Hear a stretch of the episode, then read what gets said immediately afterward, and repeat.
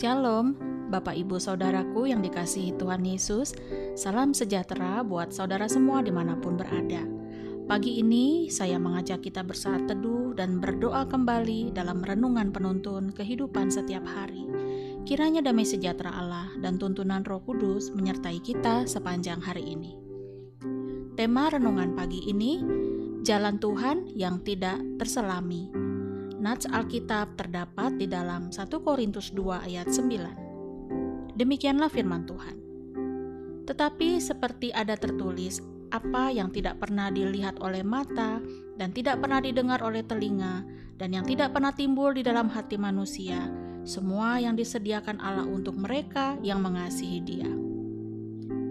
Saudaraku yang dikasihi Tuhan Yesus, waktu kita baca nats firman Tuhan tadi, apa yang kira-kira terbersit dalam pikiran saudara?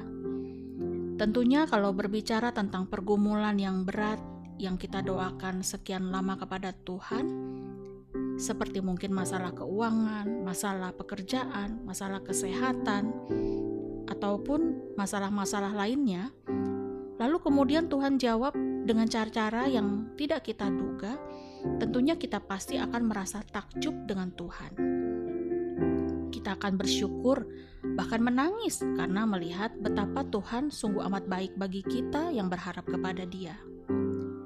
Nah, di antara kita yang sudah pernah mengalami hal ini, pasti sudah tahu bagaimana rasanya mendapatkan pertolongan Tuhan, persis seperti apa yang dikatakan firman Tuhan ini. Tetapi pernah tidak kita berpikir, Bagaimana dengan orang-orang percaya yang mengasihi Tuhan, yang melayani Tuhan, yang beribadah dengan sungguh-sungguh kepada Tuhan, kemudian mengalami masalah yang cukup berat dan penderitaan? Bahkan ada keluarga hamba-hamba Tuhan yang harus kehilangan orang-orang yang disayangi untuk selama-lamanya dengan cara yang tidak kita duga.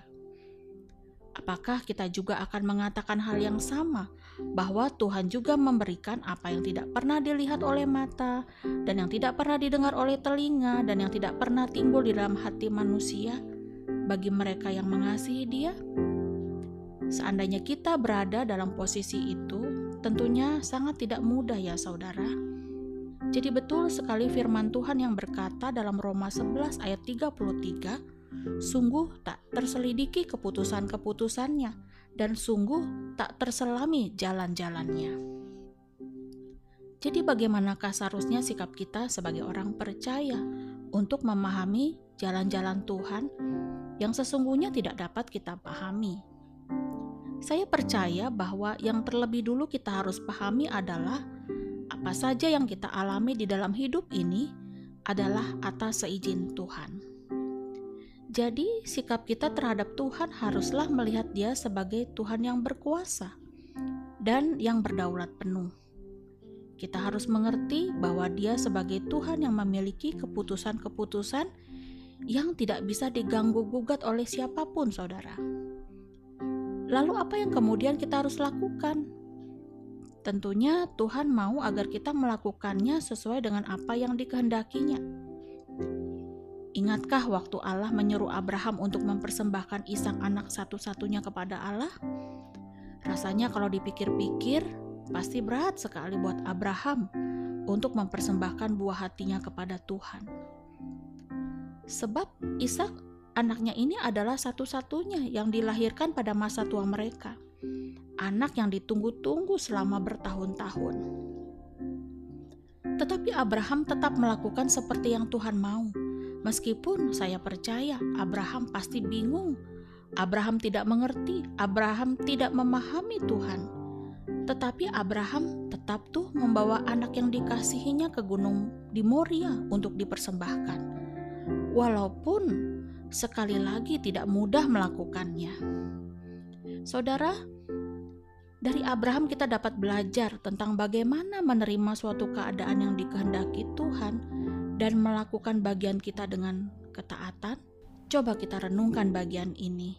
Ketika di kantor kita punya atasan, apa pun yang diminta oleh atasan kita, walaupun kita mungkin masih sibuk menyelesaikan yang lain, kita pasti berusaha melakukan apa yang atasan kita perintahkan, bukan? Demikian juga kalau kita di sekolah atau di kampus, apa pun tugas yang diberikan guru atau dosen kita, kita pasti bersedia, bahkan juga berusaha untuk mengerjakannya.